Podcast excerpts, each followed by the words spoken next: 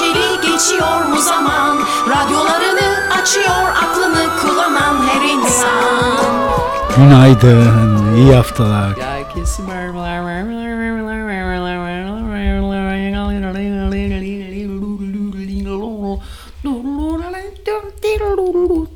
Türk filmi olsaydık şimdi neşeli Türk filmi olurduk biz kesin. Değil mi? Böyle neşeli günler yok. İşte biraz da Anadolu tadında.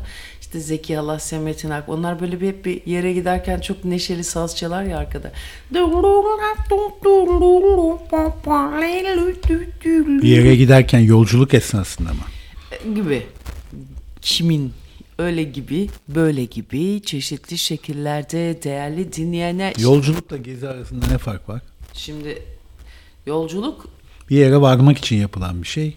Gezi ise zaten yolculuk amaç oluyor. Dolaşıyorsun yani Evet. gezide. Hem dolaşma var, yolculukta Yine da- yolculuk var ama yolculuğun amacı zaten kendisi. yolculuk sanki bir kavram gibi. Evet. Öbürü zıp çıktı bir şey. Geziye cer cer cer cenk cenk diye zıp zıp zıp zayk zayk zayk zoyk zoyk. Yok hiç alakası yok. Gezi gayet ciddi olabilir. Aa pardon tabii bizim bizim ayrı gezi ayrı. Tabii o ayrı mevzu. Aa ne acayip hareketti o da ba. Değil mi? Ne acayip bir şeydi. Dü- Dünya nasıl gözünü bize çevirdi ama. Ula dedi Türkiye'den ilk defa ses çıkıyor. La la la la la diye. Bütün yabancı basın geldi sonra. Vak vak vak vak. Ama o kadar da değil ya. Hiç öyle demeyelim. Bak çok güzel bir ruh oluştu. En azından bir umut oluştu. Peki neden yolculuk deyince en çok kuşlar geliyor akla? En güzel onlar mı geziyorlar? Onlar işte gidiyor oradan oraya geziyorlar. Hayır O- çünkü onlar göçüyorlar. Evet. Dünyada yer seçiyorlar. Sonra tekrar geliyorlar ama. Diğerleri yer seçemiyor. Ayılar mesela anca bir ine girebiliyor Ayı kışı geçirmek ama. için. Ayı be diyorsun.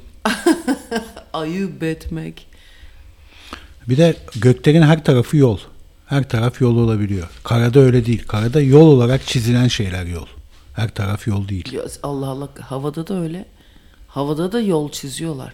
Sen o kuşlar bile. Ama nereye sağa da gitse sola da gitse bir şeye çarpmadığı için havanın her tarafı yol oluyor. Hayır canım efendim şu an öncelikle ben sizi dinledim.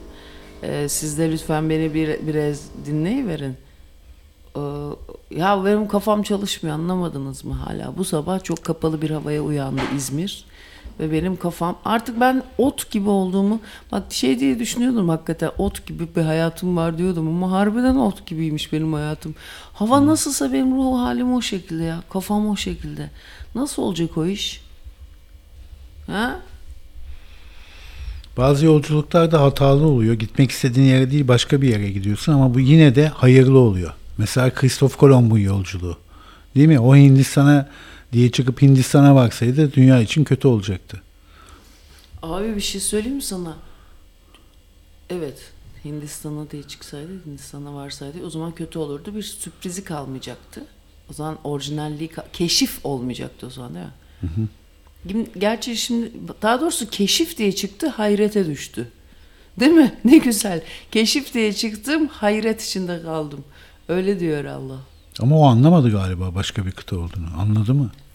Ee, Amerika Vespucci mi? O galiba anladı evet. Jeton onda düştü. Hemen de adını koymuş ya Hergele. Ayça. Düşünsene gidiyorum ben bir kıta buluyorum Ayça koyuyorum adını. Ne manyak bir şey değil mi? ne güzel lan. Aslında biz de kuşlarınkine benzer bir yolculuk yapıyoruz Sayın Başkan. Kuşlar gökte uçuyor ama sağdan sola. Bizim yolculuğumuz da gökte ama paraşütle. Devamlı düşüyoruz. En sonunda çakılıyoruz ve ölüyoruz. Yani hayat bir düşüş. Neden öyle bir şey söylüyorsun? Öyle pesimist bir yaklaşıma girdim. Albert Camus geldi aklıma birden. Onun da Düşüş diye bir kitabı vardı biliyor musun? Ha, La Chute. bilmiyorum. Düşüş Fransızca şüt. Paraşüt de oradan geliyor. Şüt. Para için demek düşüş için yapılan alet. Paraşüt. Peki jüt ne demek? O jüt ayrı o bir bitki o. Ha jüt diye şey de var bir tane bir üste giyiliyor galiba jüt. Jüt bir bitki ablacığım işte söyledik ya çuval yapılıyor galiba. Ha ondan. işte öyle bir şey ya jüt.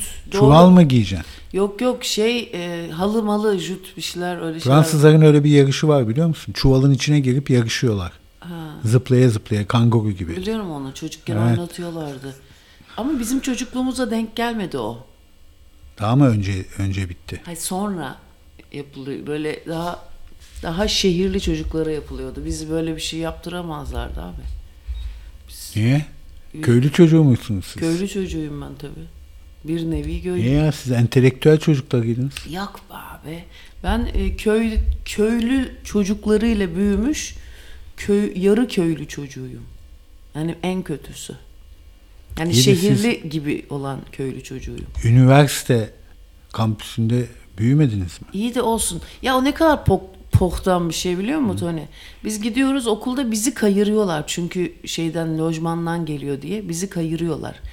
Halbuki bizde öyle dandik dandik bir hayatı yani orta sınıf bir hayat var. Herkes Türkiye'de zaten herkes e, garibandı. Yani en iyisi devlet memuruydu. Yine zenginler vardı tek tük ama e, genelde Türkiye devlet memuru idi değil mi? Türkiye'de herkes memurdu. En önemli şey memur olmaktı. Hala bile öyle küçük şehirlere git. Abi biz İzmir'e geldik herkes deliriyor devlete girsin diye. Öyle. Abi deliriyor millet. Devlete gireyim diye. Lan devlet sana girmiş daha ne, ne istiyorsun? Ondan sonra e, devlete gireyim de YKS mi KPSS bir şeyler. Abi Anam, özel anam. sektörde kimsenin götü garantide değil ki. Doğru bak ne oldu? Bizim götümüz yer bir daha görmedi. Abi düşündüm de hakikaten bu eze- ezel sektör, özel sektör hakikaten çok boktan bir şey. Yani Marx neden götünü yırtıyordu ben o kadar iyi anlıyorum ki şimdi. Niye biliyor musunuz? Çünkü Tony şu gümbür gümbür seslere iki... Ne, ne mesela orada TÜSİAD'a mektup mu yazıyorsun mesela? TÜSİAD'daki raporunu mu yazıyorsun? Allah aşkına söyle. Ha? Eczacı başına mail mi atıyorsun yoksa? Yazık o da kalmadı ya. Değil mi? Şimdi en zenginler kimler? Eza- O eskinin o büyük burjuvaları kalmadı değil mi? Hep yeni yeni şeyler çoban sermaye başladı değil mi? Onlar da ne kadar ne, amma yiyordur ha. Ne yiyordur onlar. Şimdi şöyle e, şimdi niye, niye Marx neden götünü yırttığını ben sizlere özel sektör hezimeti, kültürel bir fecaat olarak anlatıyorum durumu. Şimdi bir kere hem kadınsın tamam mı? Hem özel sektörde dinliyor taklidi yapma asabım Hem bozuk. kadınsın hem özel Aa, sektörde. son kelimeleri dedem de hatırlar kulak hafızası. Marx dedin devam et. Bu Marx'ı da çok sen ağzına pelesenk ettin. E, yok hiç hiç okumadım daha. Yani belli zaten. Neden? Entellik olarak kullanıyorsun Marx'ı. Fark etmediğimi sanma. Yok o öyle onu geçeli çok oldu be İzmirliler öyle yapar sen yanlış anlıyorsun. Sen Marx'la markayı karıştırdın yavrum. Güzeldi olabilirdi deneysel olarak güzel. Öncelikle senin medeni cesaretinden ötürü tebrik ediyorum. Şimdi yok abi şundan dolayı. Ya bu benim ciğerime işlemiş ya. Siz ne konuşuyorsunuz Allah'ın köylüleri? Ulan alayınız cahilsiniz be ben sanki görmüyorum. Neyse. Şimdi bak niye biliyor musun Tony? Şuradan anlıyorum. İnsanın insanlık onurunu kırıcı bir şey özel sektör. Çünkü her an topun ağzındasın ve hiçbir garantin yok senin. Olur mu ya kanunlarla belirtilen Ya garantiler var. affedersin ya diyecektim tam. Bir sene çalış bak işten atılıyorsun 5 sene içinde öyle bir sistem kurmuşlar ki zırt pırt da işte değiştirebilirsin. İşte teklif geliyor oradan oraya gidiyorsun filan falan sonra birdenbire bir bakıyorsun bir senedir sözleşmeli. Şimdi sözleşmeli diye de bir şey var değil mi? Sözleşmeli olmak bir ara çok iyi bir şey gibi görünüyordu. Hiçbir garantin yok aslında yani öyle çok da bir. Değil mi? Zaten büyük şirket ne yapıyor? Sana zart diye veriyor hemen tazmin. E sen kaç zaman yaşayabilirsin ki tazminatla? Sözleşmeler zaten hazırlayanların lehine oluyor. Git mesela araba kiralamaya bir şey imzalatıyorlar sana. Onu okuyana kadar bir günlük araba kiralıyorsun zaten bir gün biter. Ya sözleşmeli çalışmak için yani bir medyada mesela sözleşmeli çalışmak için Tony iyi bir sözleşmeyle senin kurallarının olması için bir kere yani genelde erkek olman lazım. Kadın mesela korkuyor. Ben sözleşmeyle aslında gidip çalışıyordu herkes. Ben mesela sözleşme lafı bile bana çok şey geliyordu. Böyle sanki gazinoya düşecekmişim gibi geliyordu. E memur çocuğuyum ya. Halbuki bir tane iyi bir menajerin olacak gideceksin sözleşmeye şartlarını koyacaksın onlar imzalayacaklar sen imzalayacaksın ve senin şartların geçerli olacak ama iki Bir de sözleşme sözde kalmayacak. Sözleşme kelimesi biraz tehlikeli çünkü sözle sözde kalıyor gibi geliyor. Yazılı olacak. Ya düşündüm de ne aslında bir yandan da iyi bir yol izlemişim. Yani şu gün baktığımız bu özgürlükse eğer burada temel kıstas doğru bir yol izlemişim. Yani belki e, ş- meslektaşlarım olarak belki öyle bir şeyler edinemedim. Sen şimdi yaşamının muhasebesini mi yapıyorsun? Yok yok tabii bugün? her an bir muhasebe Bu karanlık günde. Ya onu düşündüm. O kadar karanlık bulutlar geliyor ki bu tarafa doğru ve katman katman katman katman katman katman ağzınıza sıçmaya geliyoruz diye. Böyle şey gibi Adile Naşit'le Münir Özkul'un Turşucu filminde Adile Naşit'in uzaktan çocuklarıyla bir yürüyüş sahnesi vardır. Bulutlar aynı öyle geliyor. Metronom gibi sallanır değil mi? evet. İnya. Adile Naşit. Ya ne kadar sevdik biz o kadını. Öldüğünde ağladım. Ne- Çünkü o kadar çok anneannem gibiydi ki. Yani değil mi anneannemiz gibiydi bir nevi. Evet hepimizin akrabası gibi olmuştu. Evet. Hem de sevdiğimiz akrabamız. Evet. Çünkü sevmediklerimiz de var. Sonradan o ölmüş insanlarla ilgili gelip sana bir şeyler anlatırlar. İşte işte öyle bir bilmem ne böyle çok sevdiğim bir insanla ilgili. Aa onu ben bilmem nereden biliyorum bilmem neydi. Kötü bir şey mi? Kötü bir şey anlatır. Dövesin gelir ya. Ezberini bozar senin o. Evet abi olacak şey benim hayal dünyamda başka bir yerde diyelim ki. Mesela şey e, Ama genelde ölenin arkasından konuşulmaz ya. yok konuşan ben konuşurum. Aslında ölüm aklamamalı. Çünkü ölüm bir özür değil. Devam etmelisin. Bence de abi. Bir de yani ölmüş zaten özür daha çok konuş. tamam. Aklarsın da. Çünkü özür biliyorsun. Gelece geçmişten çok geleceği temizler aslında. Ya herhalde hesapları temizliyorlar. Fazla ağırlık olmasın diye hesapları temizliyorlar. Toprakla üstünü örtüyorlar. Öyle hoca da soruyor ya nasıl bilirdiniz diyor rahmetliyi. Ya aslında öznesinden kurtarıp onu nesne haline getirsen o olaydan ders çıkaracaksın o kişinin geçmiş varlığından. Ama biz hep öznede bırakıyoruz işi. Halbuki o nesnesi bizde devam ediyor hala. Ya yüklem ona ne demeli? İşte yüklem olarak devam ediyor. Onun öznesi nesnesi üzerinden yüklemselleşiyor. Nasıl fikir? Evet. Sevgili arkadaşlar bugünkü havayı şurada bir görseniz var ya ulan bunlar yine iyi konuşuyor dersiniz. Siz böyle var ya nasıl depüstü dikilir taklaya gelirsiniz. Hiç ışık Üç yok gün değil mi? uyursunuz bu havada. Gökyüzü inmiş yeryüzüne neredeyse pres uygulayacak. evet abi. Bulutlar yere kadar inmişler. Yine de tatlı bir havası aslında şu Ama dünyada da acayip bir durum var biliyor musun? Fırtına. Yok fırtınayı boş ver. Fırtına olsa yine iyi. Yeraltı kaynamaya başladı. Nasıl? Her yerden şey fışkırıyor. Lav. Yak canım. Evet evet. İzlanda'da panik havası başladı. orada zaten ama volkanik. Etna yine harekete geçti. Japonya'da bir yanardağ patladı denizde diyorsun? Aa. ve yeni bir ada oluştu. Yak canım. Evet 100 metrelik yeni bir adası oldu Japonların. Ada dediğim yanardağın tepesi zaten. Bir şey söyleyeceğim. Bayağı ciddi bir denge dengeler değişiyor yani. Evet. Oo sakızda kız volkanik gitmesek mi kız? Allah kahretmeye. Her yer volkanik. Ana. Aslında şu hava var ya sakızda geçirilirdi. Biz onu konuştuk. Burada çocuklar. Abi çok pahalı bak yine aynı yere geleceğim de. Abi burada korkunç bir pahalılık var. Yani Paris Şanlızade'de yaşayıp Paris'in göbeğinde Şanlızade'de yaşıyor gibi para gidiyor abi. Bunu nasıl bir şey söyleyeceğim çocuklar. Bu olacak şey değil. Korkunç bir şey dışarıda var. Yani evinde sanki dışarıda tiranlar varmışçasına sığınak yapacaksın öyle yaşayacaksın. Ancak bu pahalılıkta sığınakta yaşanır. Hakikaten çünkü e, göz göze geldiğin anda birisiyle para gidiyor. Göz göze gel para hop gidiyor. Korkunç bir şey var. Onu söyledim. Yazık çocuklar da para para kirliliği diyecektim ya. Baksana para kirliliği. Ay çok güzel oldu. Hava kirliliğinden daha çok para kirliliği var. Bak o hoş bir şey oldu değil mi Tony? Bir de 200 lira artık komik oldu ya. Hiçbir şeye yetmiyor. O daha büyük para çıkarmaları lazım. Utanıyorlar herhalde. Utanıyorlar bence de. Halbuki 500 euro var. Gerçi bizde 500 lira da çıksa çok da fazla bir şey. Utanıyorlar herhalde komikmiş. empati. Devlet erkanıyla empati kurdu. Sempatik oldu ama. Empatin çok sempatikti. Hop Tony Drosa. Bu arada Mesut Süre e, e, film yapmış abi. Hadi be. Evet. Davet etmiş bizleri de.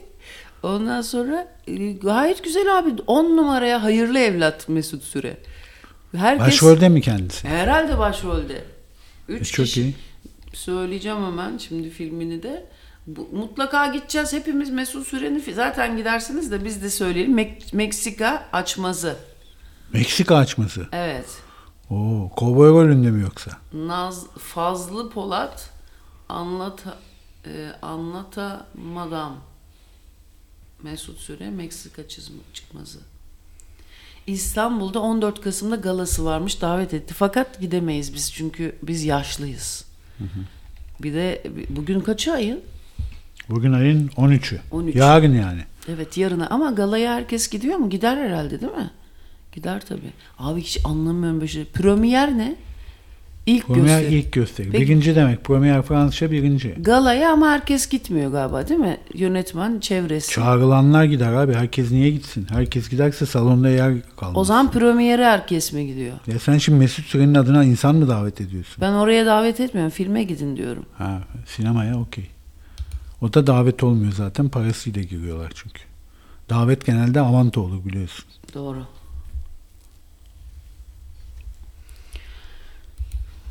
Böyle bir kardeşimizin si- sinema filminde söylemiş, tanıtmış olalım. Zaten duymuşlardır çoğu ama bizimkiler yaşlı olduğu için dinleyici. Hiç o dünyada ne oluyor ne bitiyor haberleri bile yok. En haberi olan mahalle karısı gibi magazinden haberleri var. Çok ayıp ya. Ben karavan dinleyicisine magazini hiç yakıştıramıyorum ya. Her şeyi biliyorlar ya. Neyse bilsinler boş ver. Biz de onlar vesilesiyle öğrenmiş oluruz ama bana biri magazinel bir şey anlattığı zaman kirlenmiş. Ulan ne güzel bilmiyordum ben niye anlattınız oluyorum Tony. Allah'tan ki cürmük kadar hafızam olduğundan hemen E ne unutuyorum. yapacağız? Güncelle ilgilenmeyeceğiz mi? yani? İlgilenmeyeceğiz abi. Magazin güncel şeyler, evrensel şeyler var. Onlarla ilgilenmek daha güzel. Onlarla ilgilenelim abi. Güncellerse götünün bokuyla güncel. O önce bir 20 sene geçsin hala duruyor mu? O zaman bana gel anlat onun ismini. Ama böyle 3 gün 5 gün gerçi Dilan Polat diye bir tipler var. Şu anda onlar dönüyor etrafta. Ama sabahleyin Gülben Ergen madem ki magazin dedik bir yerde gördüm. Osuruk siteler oluyor ya. Onlardan birinde yazmış. Gülben Ergen, Dilan Polat ve onun erkek arkadaşı mı, kocası mı birisi onun, bir şey Polat değil mi onlar? Bir- Hiç ilgilenmiyorum. Ne iş yaptıklarını anlamadık galiba. Ben ne olduğunu da anlamadım da. Böyle birisinin ismi geçiyor sürekli. Ve son dönem o cins tip tipolojinin topografyasını çok güzel anlatan bir e, prototip yani aslında. Tas tamam. O Dilan Polat ve yanındaki herif tam bir prototip. Şu son dönem sosyal medya TikTok e, işte e, Kim Kardashian style'a Türk e, üz düşümü kadın ve erkeği e, yani bir de bu şeyler var. Bazı emlakçılar var ondan sonra o emlakçılar da son dönem böyle villalar işte triplexler bu son dönüşmüş bölümleri pazarlayan ve oraların havuzlarında kokteyllerle fotoğraf veren var bizim de tanıdıklarımız öyle fot- fotoğrafları çıkan ve aynı Kim Kardashian Bu yani- bir aslında podcast'miş bu Mesut Süren'inki. Meksika açmazı. ha, Şimdi onun filmini Filmini, çekmişler. Ya bize de söyleniyor sizin de filminizi çekelim falan diye. Bir iki kişi söyledi değil mi? evet. Evet. Evet. Ondan sonra neyse işte bu şeyi e, buralarda fotoğraf çektiren böyle son derece dejenere bir kesim var tamam mı? Ama onlar dejenere olduğunu bilmiyor. Çünkü yükselen dünya değeri böyle bir şey. E, Zaten böyle bir şey. O, o, yani Marx dedin ya sen ağzında marka gibi tutuyorsun diye. Evet doğru. O, onun da çok üzerinde durarak aslında tabii olmamasını istediği bir şey. Bir sonuç olarak. Abi e, bak mesela e, eğer o şekilde takılsaydık belki ay ne kadar saçmalıyorum ya. Of içim sıkıldı. Neyse bu Dilan Polat diye bir kadını övmüş Gülben Ergen. Övmemiş de savunmuş. Çünkü onun da eğer bu dönem yaşasaydı Kim Kardashian style'la bir kadın olacaktı. Dudakları bu kadar doldurulmuş.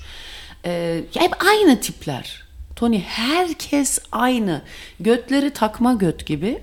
Ama kesinlikle ben onları eleştirmek için söylemiyorum. Çünkü eleştiri Ya o kadın aslında ben kardeşlerine saygım var. Çünkü büyük kötü bile moda yaptı ya. Daha evvel büyük kötü aşağı yani kötülenen bir şeydi. O onun moda haline getirdi kadın. Abi eleştiri için yani eleştiri yapamayacağımız kadar ayrı bir dünya. O başka bir dünya olarak ben kabullendiğim bir yer orası. Aslında sağlıklı bir şey. O kadar ki yani artık o. Kim Kardashian style'la Türkiye sosyal medya, TikTok ve aşırı zengin dolguları. Tanımı böyle. Gülben Ergen şimdi eğer e, gençliğini yaşasaydı Ki o Erenköy Kız Lisesi'ndeydi Tony. Ben İntaş Lisesi'nin yanı biliyorsun Erenköy Kız Lisesi. Bak bu aslında bir tepki biliyor musun? Senelerce hep zayıflık moda oldu ya. Evet. Şimdi dolgun şeyler moda. Her şeyi dolduruyorlar. Ama çıkan- Popoyu, dudakları. Çıkan her estetik görüş bir öncekinin e, depoziti miydi? Opoziti.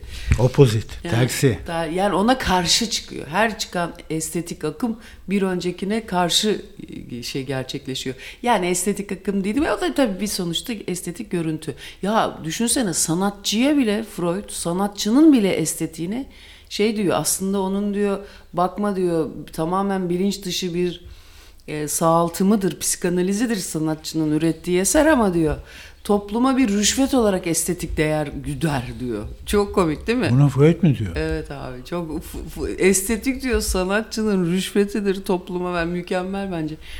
Neyse hemen antiparantez yapalım. Ee, şeye 26 Kasım'a kayıtlar devam ediyor. Çok fazla yok aslında şey yapan. Ee, çok gelmek isteyen yok ama isteyenler çok çok böyle hakikaten sebatlı. O yüzden yerimiz var hiç korkmayın ama hakikaten böyle ben bir test ediyorum. Gelir mi gelmez mi?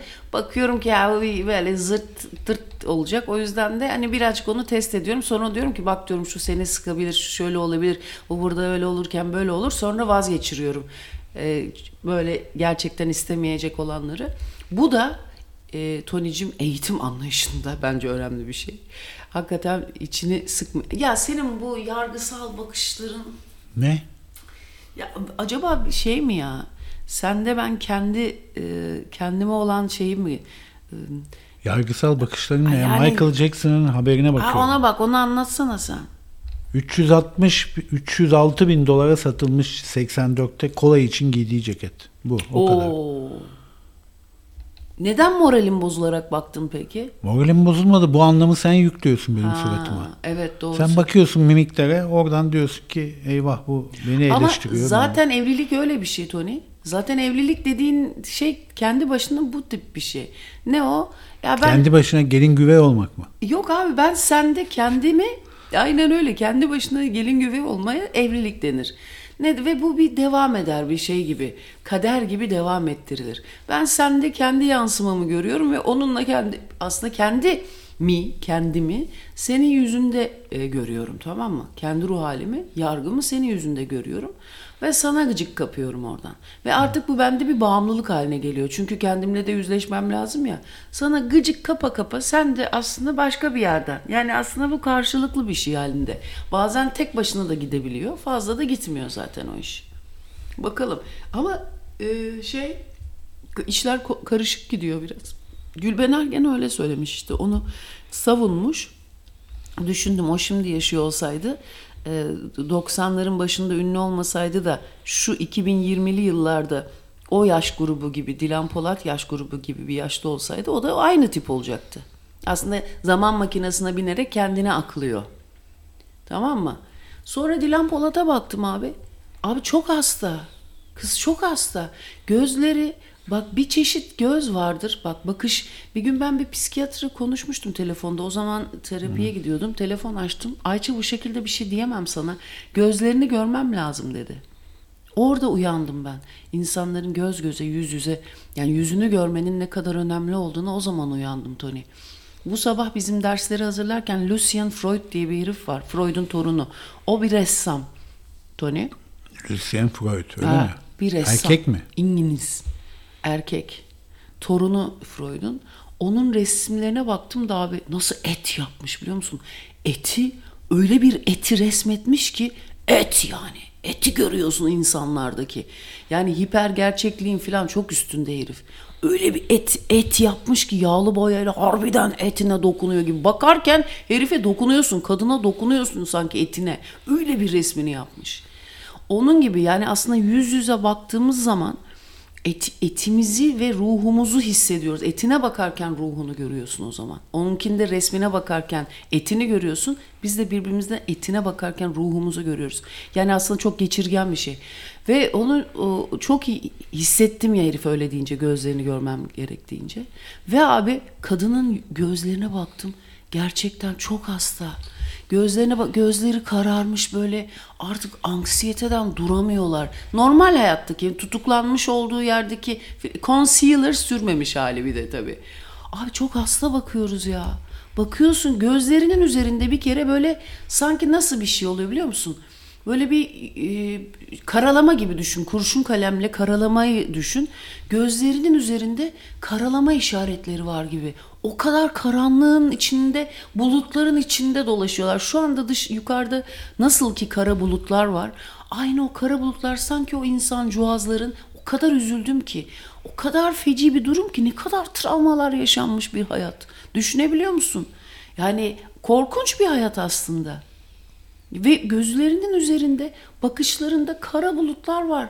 Ne kadar korkunç bir korku, ne kadar büyük bir korku, tekinsizlik, ne kadar büyük bir güvensizlik, ne kadar bir büyük bir yokluk, boşluk, olmayış. Bak İngiltere'de yapılan bir araştırmaya göre sevdikleri tarafından hiç ziyaret edilmeyen kişilerin erken ölme olasılığı daha yüksekmiş. Çünkü niye yaşamaya değer bulmuyorsun Evet, kendine? %77 daha fazlaymış. Yani ziyaretçisi olmayan insanların erken ölme ihtimali yüzde 77. Yalnızlığı önlemek ve daha erken ölme riskini azaltmak için herkesin ayda en az bir kez arkadaşlarını veya ailesini ziyaret etmesi gerektiği ifade edilmiş. Anladın? Evet. Evet 9.30 şarkısını kim çalıyor abi? Sen mi çalıyorsun ben mi çalıyorum? Sen çalıyorsun. Okey o zaman güzel bir Güzel bir, hep de güzel. Güzel bir gün özlemi içinde, karanlık bir gündeyiz ama biz diyelim ki mükemmel bir gün diyelim. Şey bu bir Ve Reed'den dinleyelim. Oo güzel de bu şimdi güzel bir gün deyince bulutsuzluk özlemi bir havada filan şey ya. O zaman biz, bu bir program e, için beni şeyden çağırmışlardı. Hatırlıyor musun Habertürk'te daha henüz yeni atılmaya başlamıştık işlerden filan ben. Ona, orada da Mehmet Çağçağ da oranın böyle bir şeyini yapıyordu. İşte e, gazeteye o onu da kandırmışlar. Abi hepimizi bir dönem çok pis kandırdılar. Neyse o da oranın böyle ama oraya da uymamıştı. Ya hiç hoşlanmıyor belli ki. Yeri ona göre bir yer değil. Tamam dergiyi çıkarmış etmiş ama ne de olsa e, o tip bir yerde de barınamayacak kadar da insan evladı insanlar bunlar. Ne evet kadar evet hatta o bana o zaman şey demişti. Ceviz ekeceğim falan köyüme gidip ceviz. Evet iyi adamdır. Da o bir dönem öyle işte bir dergi Kaç çık- sene oldu bunu söylüyor? 10 sene oldu. O cevizler bile büyümüştür. büyümüştür. Gerçi ceviz dikenin ceviz e, kadar boynu ceviz ağacının gövdesi kadar olursa öleceği söyleniyor. Tövbe Nedense ceviz bizim şey, geleneklerde pek sevilmiyor ceviz ağacı. Aa. Evet. Pek uğurlu bir ağaç değil. Ana Ama bence hiç öyle bir de değil yani. Şahane bir ağaç. Yem yeşil yaprakları var. ellerini boyuyor. Bu bir ara ceviz likörü yapıyordu. Anam bir de bana toplattırıyordu. Çünkü Öyle bir kadın- gelenek var İtalya'da. Nocino diyorlar. Cevizden yapılan çok şahane bir likör. Cevizler Mayıs ayında yem yeşilken daha. Yaprakla aynı renktedir bir de cevizler. Göremezsin. Çok ayırt edemezsin yani. Mayıs ayında bir kadın toplayacak. Bir kadın mı yoksa Yani o kadın, toplayacak. Kadın eliyle toplanacak. Ee, Ha, ben de bu. sanıyorum ki ben sevdiğin kadın diye bana topla. Ayı olayı kendi toplattırmak için topla. Yine tembellikten az az çalar herif. Neyse boş ver Allah'tan. Ondan sonra Gün yeşil- yüzü göstermiyorum da başka kadın yok neyse ki. Yeşil cevizleri kesiyorsun eldivenle. Dörde bölüyorsun. İçi beyaz onların. Sonra içine bir tarçın, biraz da şey, e, Nasıl? karanfil Bir ara yapıyordun hiç bıraktı o işleri anam. atıp bekliyorsun 3 ay. 3 ay sonra o simsiyah oluyor. Yer mi gördü ki? Ama simsiyah herkes ne kadar seviyordu senin nocinolarını Tony. Tony eniştenizi tanıyanlar e, bilirler. Nocinoları çok meşhurdur. Şimdi bıraktı ama yapmıyor. Evet, Ha, Perfect. Dur ne anlatıyor? Ha bu işte Mehmet Çağçağ orada çalışıyordu. Bize de teklife gittik. Çağçağ'la ikimiz e, şey metin yazacağız. İşte ben de sunacağım. Öyle bir şeydi galiba. Tam da hatırlamıyorum. Ondan sonra konuşurken abi dedim sen burada nasıl duruyorsun ya? Hani Yiğit Özgür orada çalışıyor filan. Tam da yavşaklık. Ben de hani ayıp olmasın Çağçağ filan diye gittik. Bir de çok parasızdık. Kabul de edecektik ama Çağçağ'ın parası var, pulu var abi. Cihangir'de evini almış bilmem ne. Dedi ki ay sorma abi dedi. Bir de şey dedi çok komik heriftir. Bir de e, o Yiğit Yiğit Bulut var ya ona şey diyorlardı orada. Yiğit bulutsuzluk özlemi. ne oldu o herif abi? Bilmem. Ne oldu oğlum bir sürü Sen de magazin sevmem deyip magazine Bugün girdin öyle ya. göründü evet. Ya akiller ma öyle şeyler var. Ne oldu abi onlar? Abi ne acayip ya. Devran nasıl kendi içinde de dönüşüyor bu abi. Ne artık bıraktık biz peşini. Ya hay- hayat kirliliğinden bizde hava kirliliği yok. Hayat kirliliği var oğlum. Yani para kirliliğinden Bak bir dinleyicimiz yine Başka pesimist, pesimist bir yorum yapıyor. Diyor ki erken ölmeyeyim diye beni ziyaret etsinler istemezdim diyor. Yani bir tek onun için bu benim şeye benzedi. Can Bartu bu ilk defa Yeşil bir Mask diye bir film çıkmıştı. Ona gittiler. Mask mı? Hmm. O meşhur. yeşil bir mask takıyor. Hani David Cronenberg mi oynuyordu? Neydi o çocuğun adı? Çok komik tatlı çocuk. Ya böyle mimik yapıyor ya la la la la la la. Ne alakası Oğlan var? ya ya bizim Kanadalı çocuk. Kim neydi o herifin adı ya? Ben isim. Maskede oynayan. Ha. En meşhur herif işte ya bizim çocuk. Mimikçi çocuk. Onun mimikleri çok tatlı. Çok evet. tatlı. Ben onu çok seviyorum. Sevmeyenler. Lan sen kimsin lan onu sev? Onunla Jim Carrey. Jim Carrey. Ha. ha. Çok komik çocuk o ya. 5 yaşındaki halimiz. Yakışıklı da. Yakışıklı çocuk daha ama çok mimikçi. Ondan yakışıklı olmaz. Genellikle yakışıklılar karizma keser. O karizma kesmiyor, komiklik yapıyor. O niye biliyor musun? Niye? O maymun götüne benziyor onun göz, gözleri. Aşık olsun. Evet abi. Bak birisine bak mesela yakışıklı çocuk 10 numara fakat gözler maymun götüne benziyor. Aram ne orada mı burada mı o yıldo gibi bir tip ya bir açıdan. Felfecir okuyor. Her an böyle tabii felfecilik. Ondan sonra O kelimenin de aslı ne? Felfecir mi? doğru felfecir. Bir tane adam vardı karlar düşer düşer düşer ağlarım öyle şeyler ederim.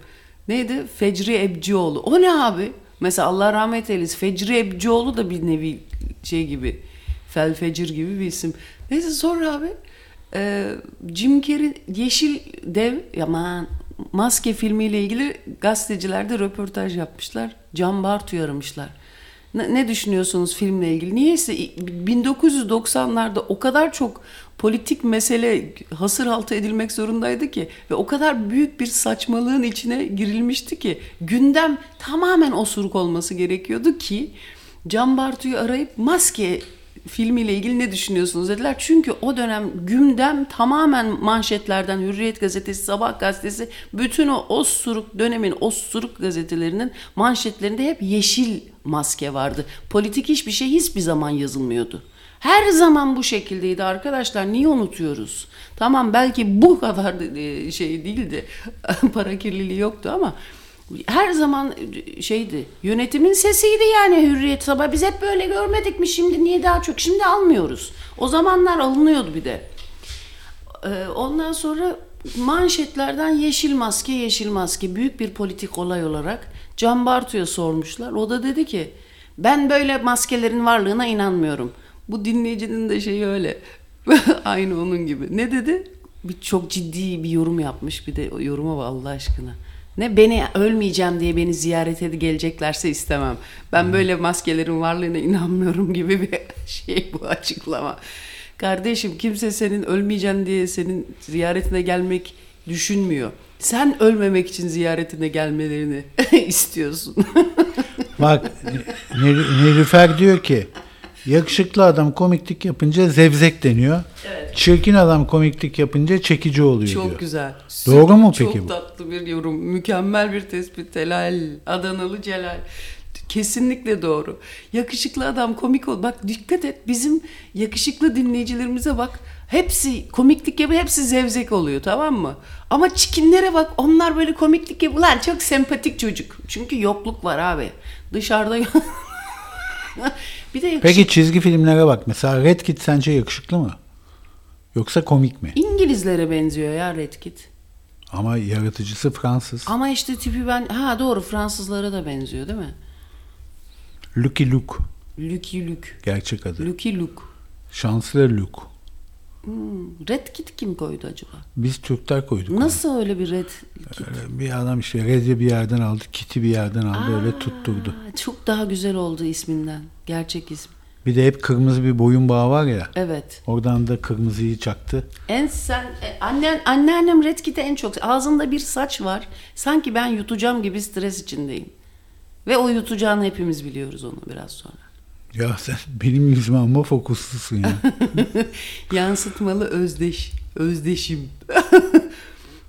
Böyle ilişkiler var Tony biliyor musun? Her bütün evlilikler neredeyse böyle gidiyor abi. Nasıl gidiyor? Bu böyle birbirinde kendini yansıtıyor, yansıtıyorsun onu Birbirini okuyorsun. boğazlayacak gibi yaşıyorsun. Evet abi kendine olan E öfkeni. Zaten evlilik e, düşmanınla yatma sanatı. Ya hazırda yanında düşman var. Kendi düşmanlığını e, muhafaza eden ve seninle kendi düşmanlığınla beraber zaten yaşıyorsun ama onun nesnelleşmiş hali var. Kendini yanında. görsen, beni gördüğün kadar kendini görsen kendinle kavga edersin. Ama yakışıklı buluyorum seni. Ya iyi hadi bakalım. Şu Perfect Day'i dinleyelim mi? Dinleyelim. Lou Reed'den. It's just a perfect day. Yes, Pek sir. bugün için söylenecek bir laf değil ama. Hava gerçekten çok boktan. Niye ya? Tövbe ya Rabbi. Lou Reed bu şarkıyı yaptığı zaman öyle günler çoktu. Artık gittikçe azalıyor. İşportaya düştüler hatta. Ama sanki böyle bir günde yazmış gibi. Ya bir kere bir deyim perfect olması için o gün alışveriş yapmaman lazım Türkiye'de. Ya bak Her alışveriş her bir kazık oldu. konu dönüp dolaşıp oraya geliyor abi. Ya korkunç bir şey. Yani bizim saklanmamız lazım hayattan artık para gidiyor. Ya nasıl olacak bu iş bilmiyorum hiç anlamadım ben. Bak Yunanistan bak diyorsunuz kızacaksınız ama hakikaten çocuklar beşte biri kadar para gidiyor. Burada korkunç bir şey. Korkunç bir şey. Ya şöyle söyleyeyim bir alışverişe gidiyorsun. Abi sen de Migros'a gitme, BİM'e git o zaman Bime ya. de gitsen aynı şey ya. Aynı Ve şey. Migros'a gittik geçen gün Memo ile iki tane onluk erikli su aldık. Onluk 90 lira. Bu ne ya? 20 litre su 90 lira mı oldu? Yani 3 misli olmuş. Biz Haziran'da gittiğimizden beri. Neyse boş ver hep aynı şey insanların moralini bozmayalım. Lori'de kulak verelim. Perfect Day.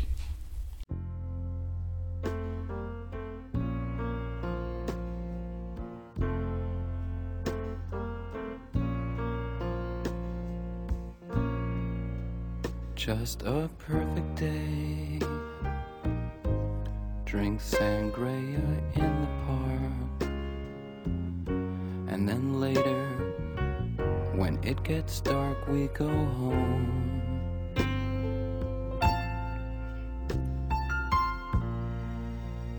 Just a perfect day.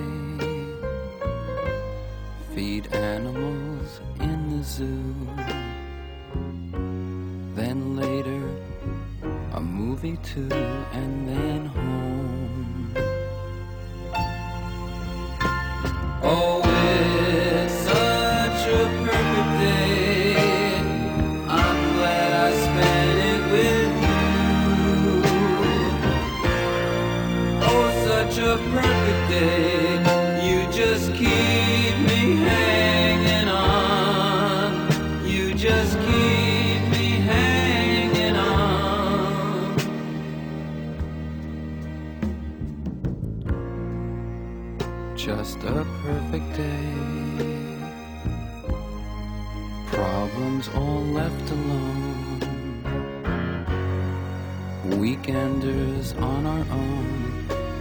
such fun.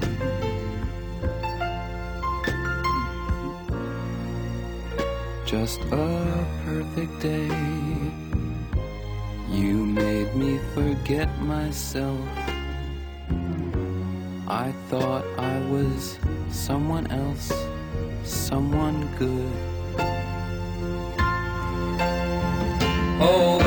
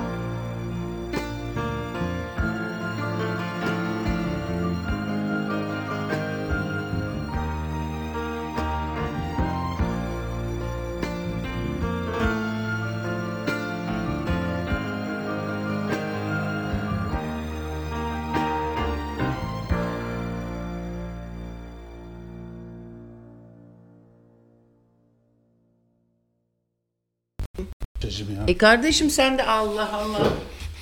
Kahve yapmaya gitti. Şarkı bitti. Kahve yapmaya gittim diye gitti. bir daha şarkı bitti. Mükemmel bir gün bitti. Perfect day. Normalde e, bir gün 24 saat ama bu şarkı sadece 3,5 dakika.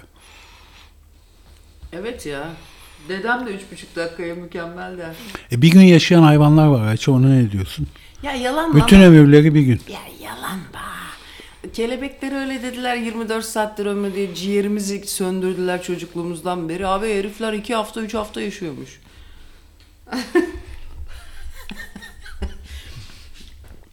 Kelebek olsaydın ne renk olurdun? Ee, kahverengi. güve olurdum oğlum ben. Kesin güve olurdum. Beyaz bir kelebek mi yoksa renkli bir kelebek mi? Yoksa sarı bir kelebek mi? Mesela benim atölyede en sinirlendiğim şey kelebek resmi yapmak biliyor musun? O kadar gıcık kapıyorum ki kelebek resmine. Çok kiç bir şey abi kelebek. Zaten kelebek kelebek olmuş. Sen niye kelebek yapıyorsun da hala? Sen neyin peşindesin? Bizim yani ne oluyor?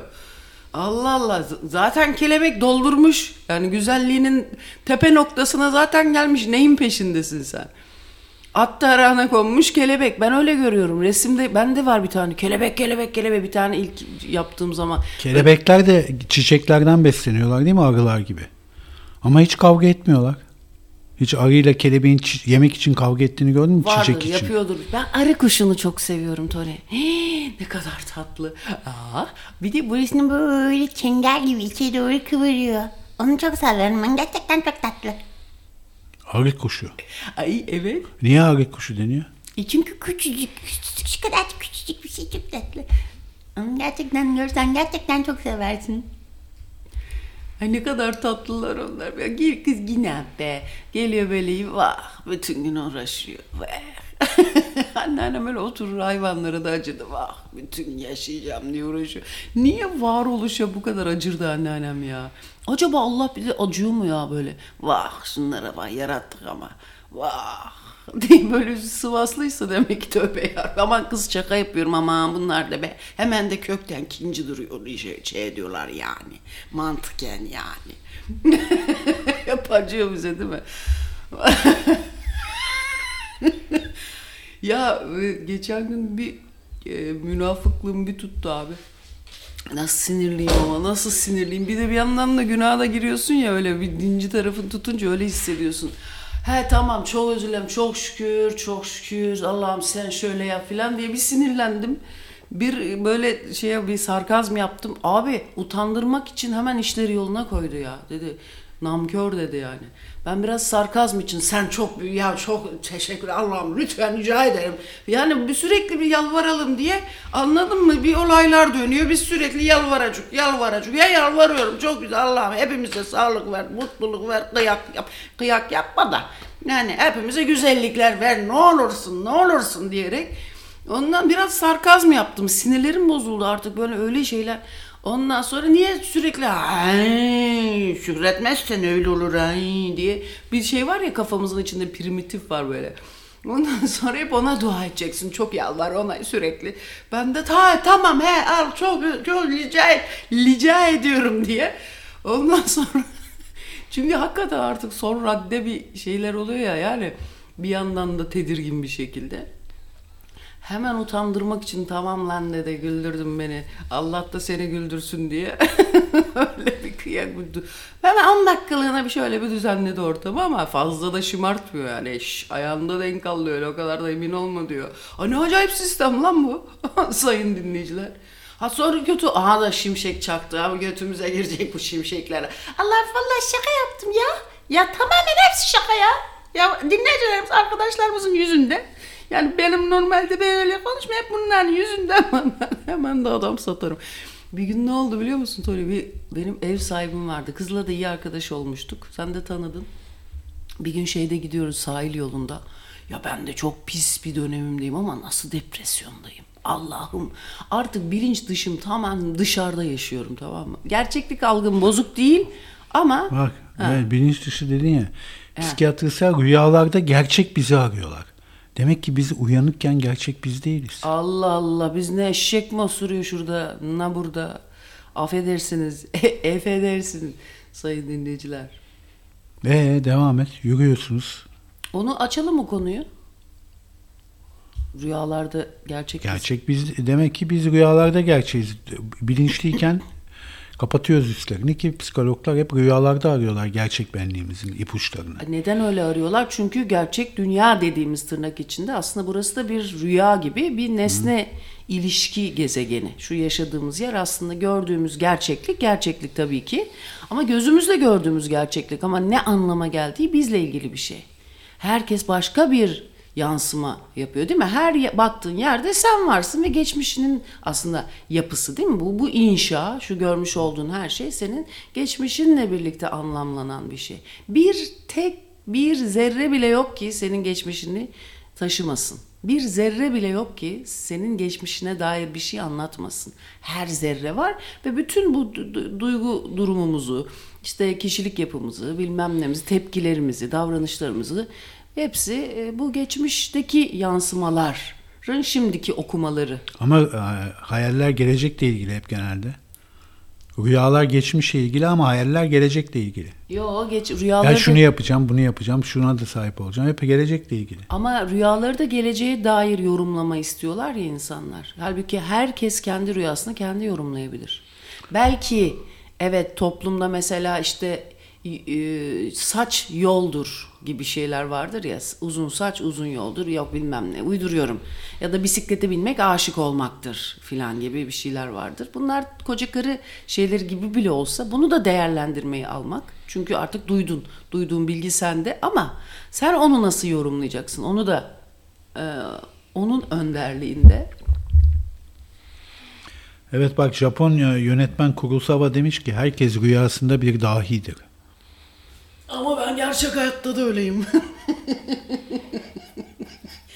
Harbiden öyleyim yani. Ne yapayım abi? Elimde değil abi.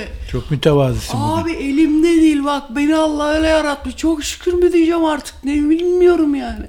Hani çok öyle gelmiyor tanıyanlara. Yakından tanıyınca ha lan hiç de değilmiş oluyorsunuz ama ben daha da yakından tanıyorum kendimi Bak öyle. masaya bum bum çarpıyormuşsun. Hayır sen aa ben hayatımda bu kadar Ben böyle bir insan gör ya vallahi ben bununla uğraşıyorum 10 14 senedir.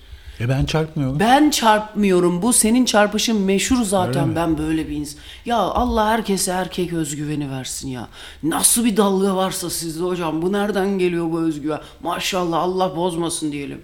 Ha fakat yani vallahi güzel bir şey lan galiba dalgalı yaşamak çocuklar. Bak bir dinleyici diyor ki rüya ile ilgili. özgüven ya. Bildiğim kadarıyla sosyal uyumumuzu sağlayan ön frontal lob kapanıyor uykuda. El alem ne der modu gibi sanki. Ha. O sebeple baskıladığımız her şey rüyalarda serbest kalıyor. Doğru. Yani serbest mi kalıyor orası da meçhul ya. Yani serbest kalsa da tam böyle serbest kalmıyor. Yine böyle gizemli anlatıyor bilinçaltı onu sana. Sembolik- Direkt anlatmıyor, sembolik. Sembolik anlamda. Sen düşünüp bulacaksın yani. Bilmece gibi soruyor. Evet. Hafta sonu böyle bir eğitimdeydim ben.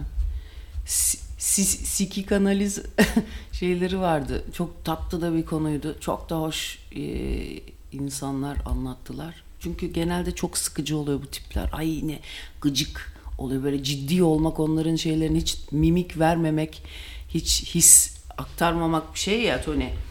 E, mecburi istikamet olduğu için o artık şey e, mesela konferanslarda filan ama artık danışan almıyorsa süpervizyon zımbırtıları filan yapıyorsa onlar daha bir kendilerini katarak konuşuyorlar ama mesela şeyleri görüyorum ünlü olmaya çalışanı çok daha beter tabi.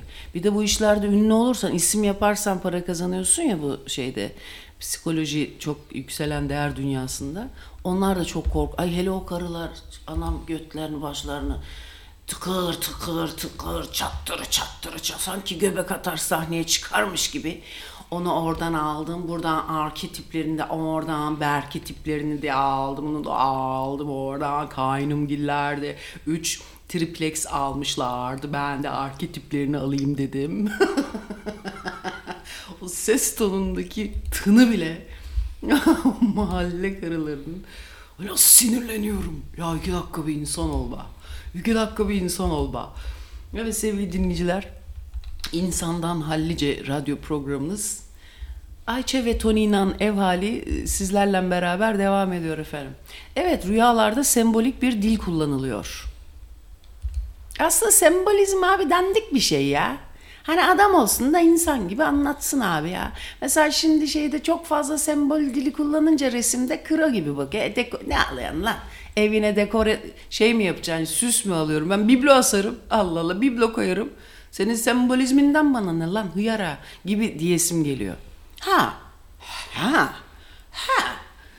Gibi düşünüyorum. Ben yine ama çok tek başıma galiba aldım sazı. Yo Sen- gayet iyi gidiyorsun. Ha, o zaman şu se- sen rüyaları mesela hiç rüya görmüyorsun. Ben bunu anlamadım. Görüyorum canım. Tek Aa. tük görüyorum. Aa, anlatsana ne gördün en son hatırlıyor musun? Hatırlamıyorum. O kadar çok rüya görüyorum ki. Senin evet çok karışık. Üf. Ay, Niye bu kadar trafik e, sıkışık sende acaba? Yorgun kalkıyorum. Yorgun kalkıyorum. Eh be diye uyanıyorum ya. Eh be diye uyanıyorum en son ya. Rüya görmekten yorularak ve Ha bak dün akşam gördüm bir rüya. Bir yerde telefonumu unutmuşum. Aa, Tamam mı? Gidiyorum almaya. Ee, Gurun dikmiş telefonumda. Nereden nereye? Üstündeki kapaksız veriyorlar mesela bana. Bir pil gibi bir şey var. O kapağı şey yapamıyorlar. Önce kadın yok diyor. Sonra içeriden bir kız daha genç bir kız geliyor. Ben buldum onu diyor. Getiriyor kapağı. o kadar güzeldi ki. Sonra uyandım ama demek kay- kaybettiğim doğru değil deyip sevindim. Bir dakika dur aşırı komikmiş. Bunu biraz açalım hadi gel. Grundig telefon.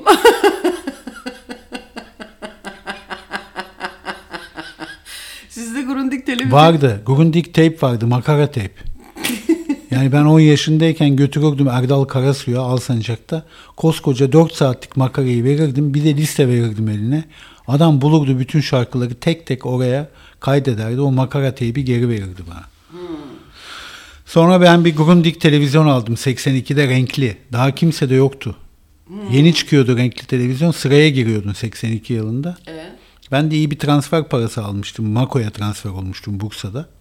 Mako'da şey, Vanietti Marelli var. Fiat'ın yedek parçalarını yapar. Koç'la birlikte ortak bir yedek parça fabrikası kurmuşlardı.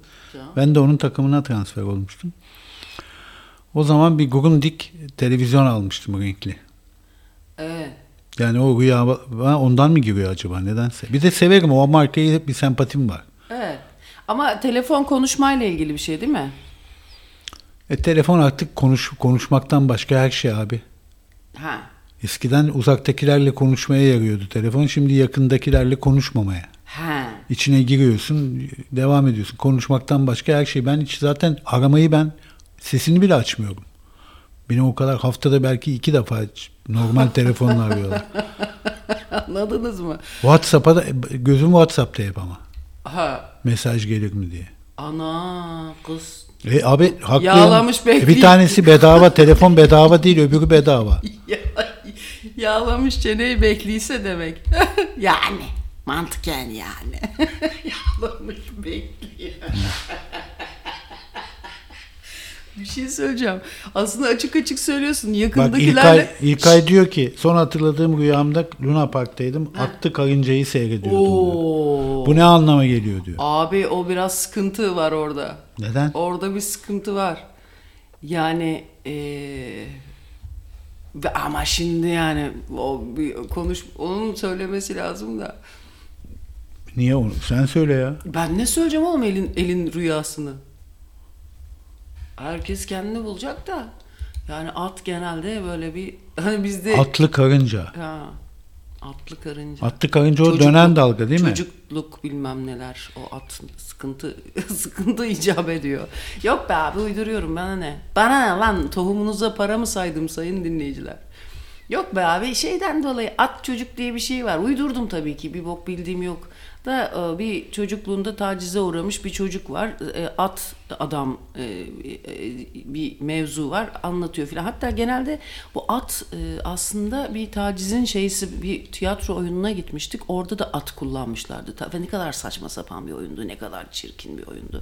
Hiç ya da belki de hepimizin çocukluğunda mütecaviz bir toplumda yaşamanın verdiği bir rahatsızlığı yansıttığı için çok bu temsil beni rahatsız etmişti ama çok kriminal bir oyun geldi bana. Yani o oyunun derhal e, bir şekil alması gerekiyordu. Neyse. O amına tövbe esta o karı yüzünden gittik oraya da. O, o- bir de oranın bir de şeyi o, neyse neyse söylenmez. de ben de ya. isim verip adresi daha çok veren bir insan olarak.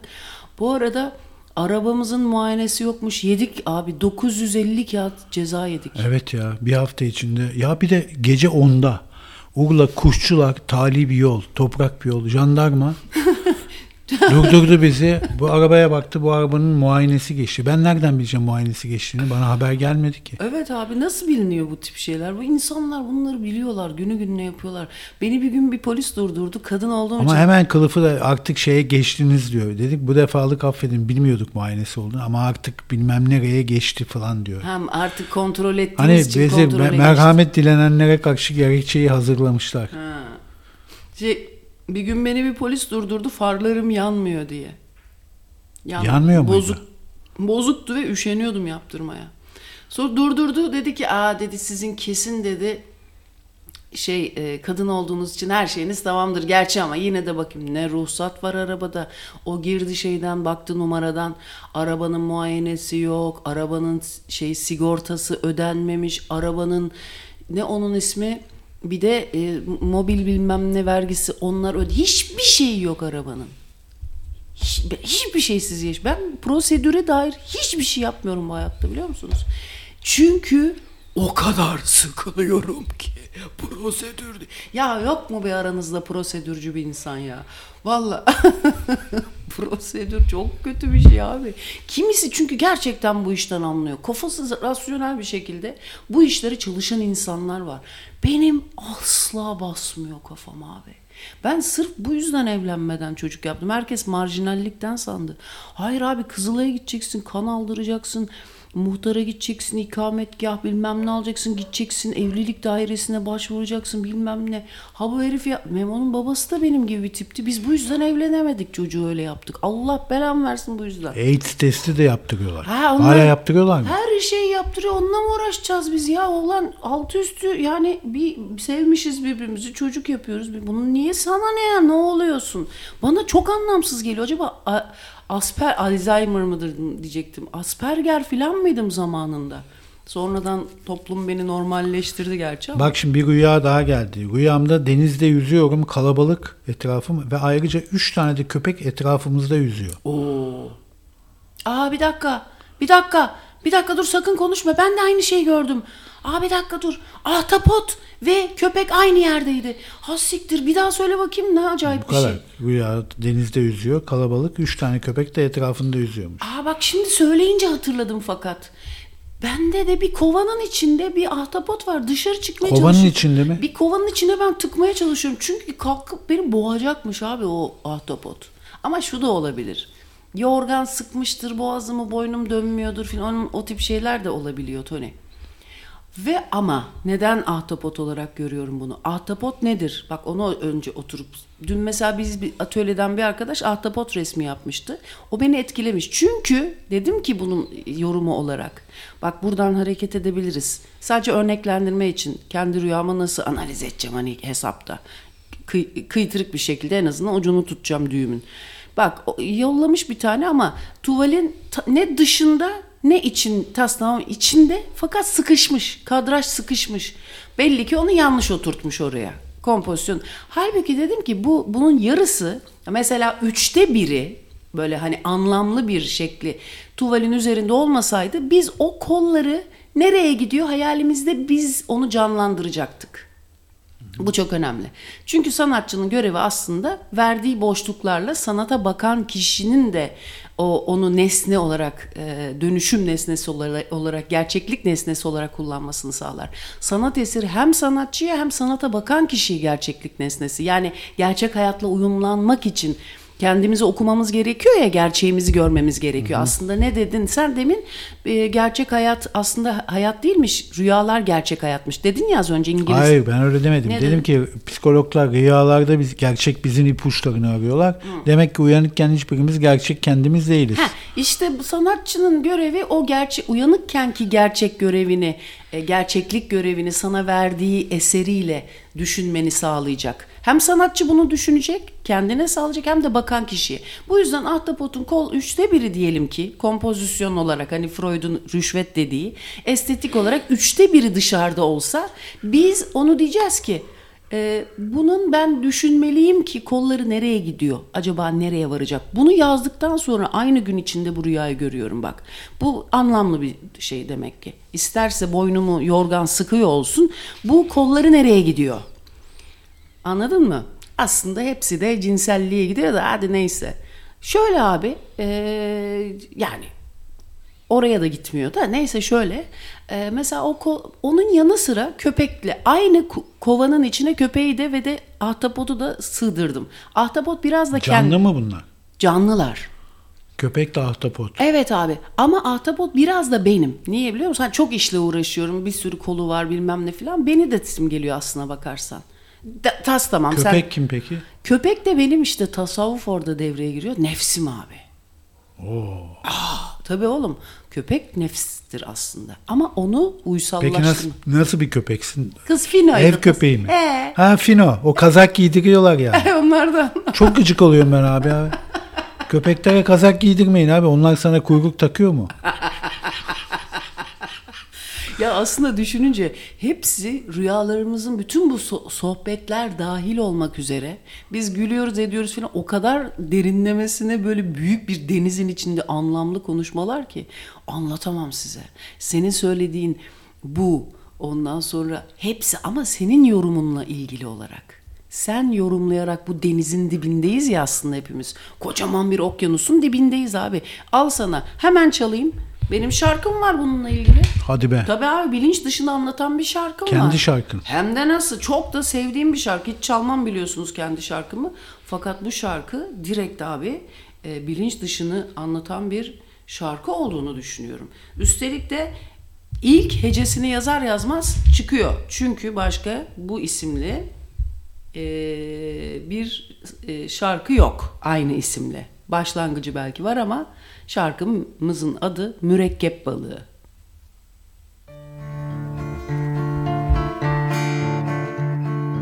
Gemiler bazen karaya vurur Bazen de nehirler kurur Sevdiğim bu toprak denizin dibi Mürekkep balığı uçak izi Erikler her bahar gibi Bembeyaz çiçeklenir hepsi. Kalabalık sokaklarda şarkılar söyle Sesin güzel olmasa bile. Kördüğüm, yürüdüğüm yollarda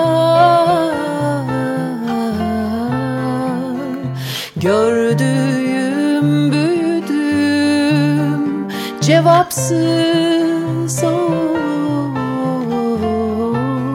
sorularda.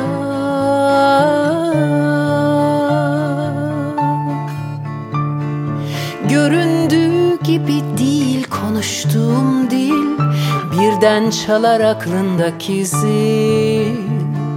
Bir gölge gösteri küçük sahnede Dilsiz vandrolog kukla ile Kördüğüm, çözüldüğüm örümcek ağlarda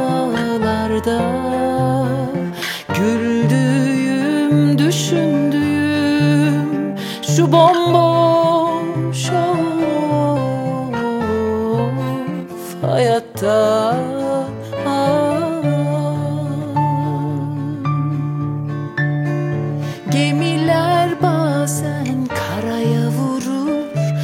Bazen de nehirler kurur Sevdiğim bu toprak denizin dibi Mürekkep balığı uçak izi. Erikler her bahar deliler gibi Bembeyaz çiçeklenir hepsi. Kalabalık sokaklarda şarkılar söyle Sesin güzel olmasa bile Kördüğüm yürüdüm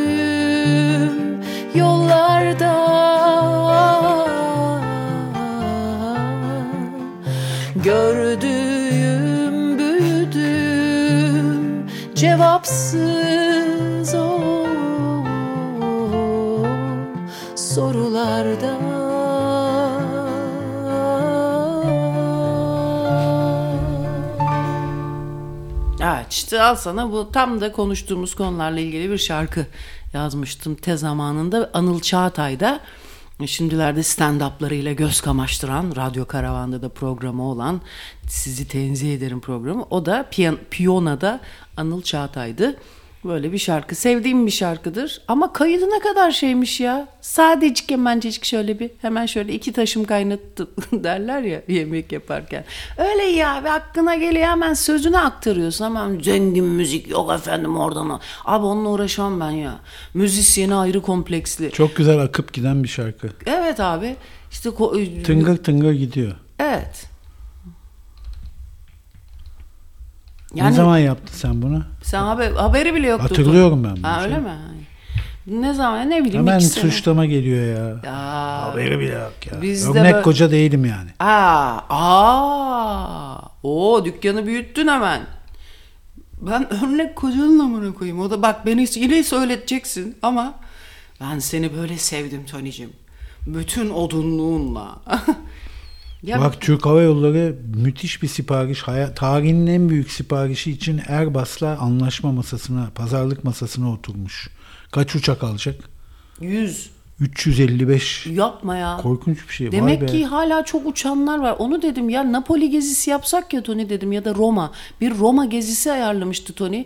Pandemiden hemen önce hayvan gibi bir de şeydik çok kalabalık böyle şahane bir ekipte kurulmuştu. Herkes biletlerini aldı abi pandemi patladı.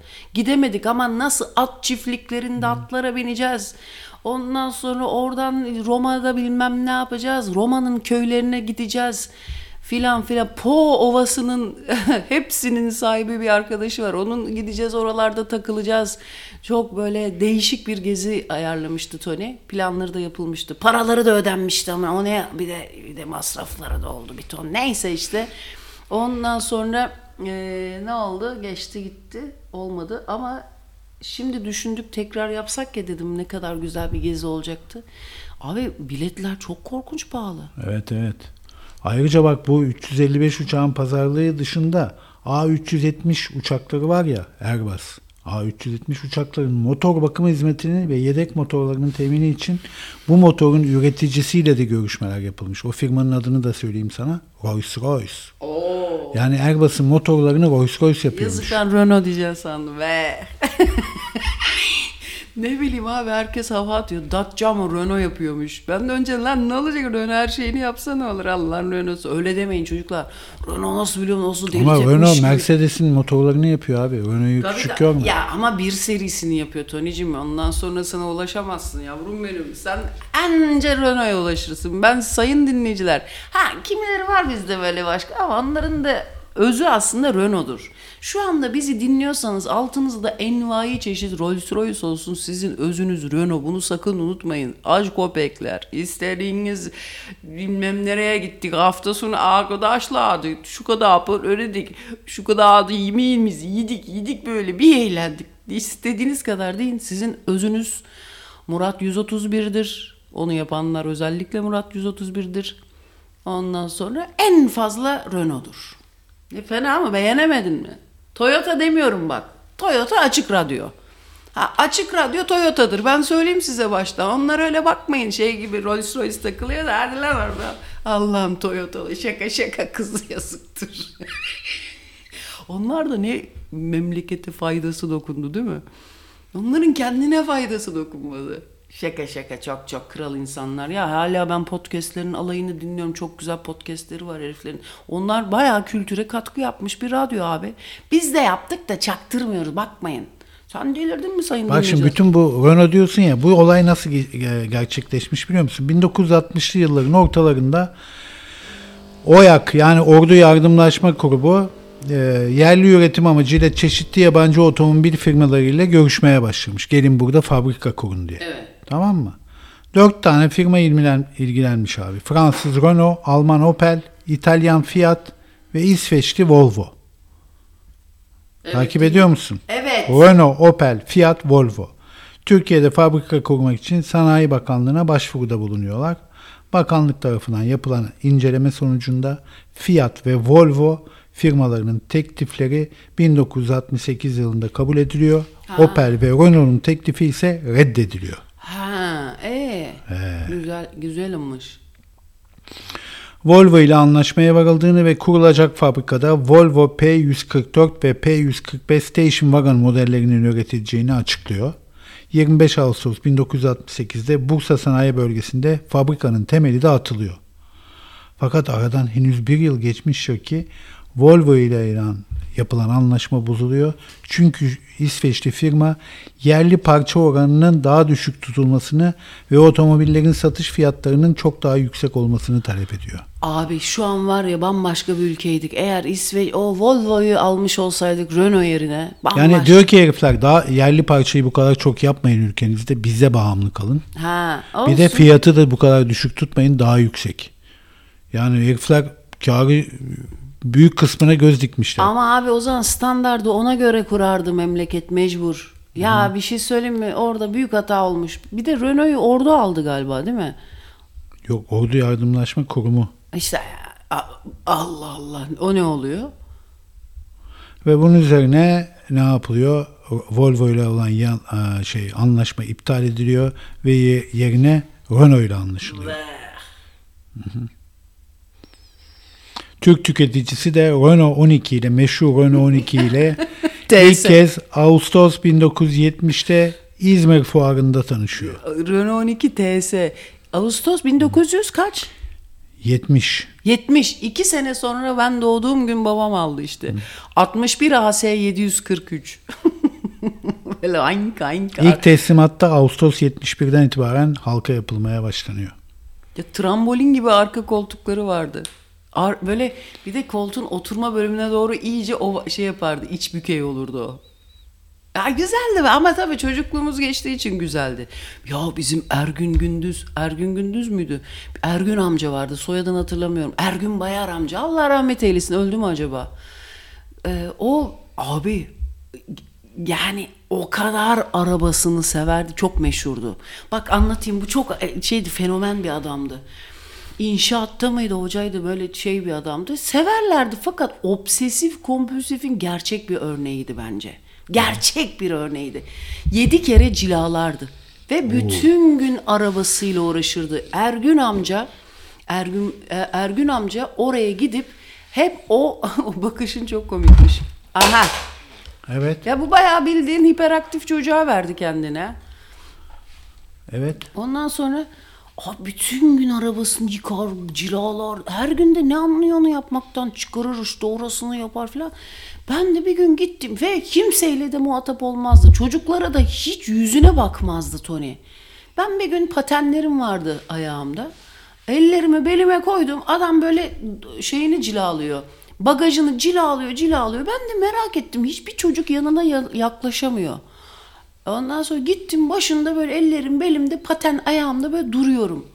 Abi dengem bir bozuldu.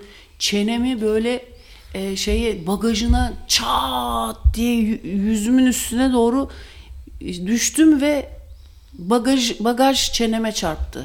Hadi be. Evet. Dedim ağzıma sıçacak herif. Eyvah diye ilk aklıma gelen şey o oldu. Beni de hayatta tutan bu korku oldu. Kendinin dışında bir şeye yani o demek ki çok ciddi bir şey yokmuş. Ergün amca beni mahvedecek diye bir korktum. İlk defa gülümseyen şefkatli bir yüzle bir şey oldu mu Ayça? Bir şey oldu mu kızım yaptı böyle. Bir endişelendi. Orada ilk defa Tony hayata, insaniyete dair Ergün amcada bir şey gördüm. Bu araba nesnesi Lacan'a göre biliyorsun rüyada çok söylerim bunu ama bastırılmış cinsel arzular aslında Tony'cim. Hadi ya.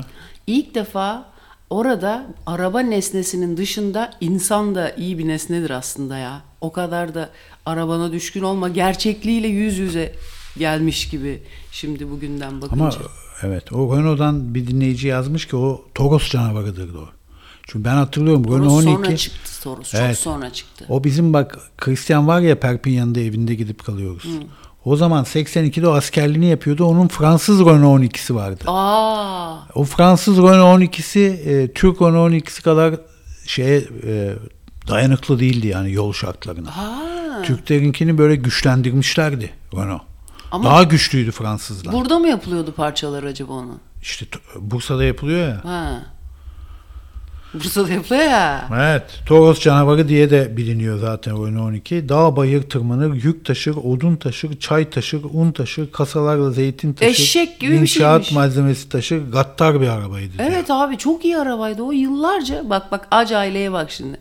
Yıllar kaç yılında 72'de alındı 80'de babam öldü hala duruyordu bak 8 sene. Bense sırf muayenesi olmasın yok ver bilmem nesi olmasın 3 senede bir arabamı değiştirdim. Çünkü bir araba galiba 3 senelik ya da 2 senede bir muayeneye girmeden ben araba değiştirmek benim huyumdu Tony. Çünkü o muayeneyle mi uğraşacağım lan ben? Ay, muameleci tutsa onu nereden bulacaksın? Seni kazıklaman onunla da bir sürü uğraşılmaz. O yüzden ben 2 senede bir araba değiştirirdim. Yani muayene tarihine bakardım o zamandan önce arabayı satardım. Muayene gelince satardın arabayı. Onu da nasıl yapardım? Giderdim galeriye giderdim. Alın bu arabayı kaç lira? 12 bin lira uyduruyorum. 12 bine satar. Orada diyelim ki 8-10 bin lira zarara mı giriyorsun? Yine uyduruyorum. Hiç umurumda bile olmadan öbürünü alıp üstüne parayı öderdim. Öbürleriyle uğraşacağım ama ben hiç uğraşamazdım. Tony öyle şeyler. Ay, ne-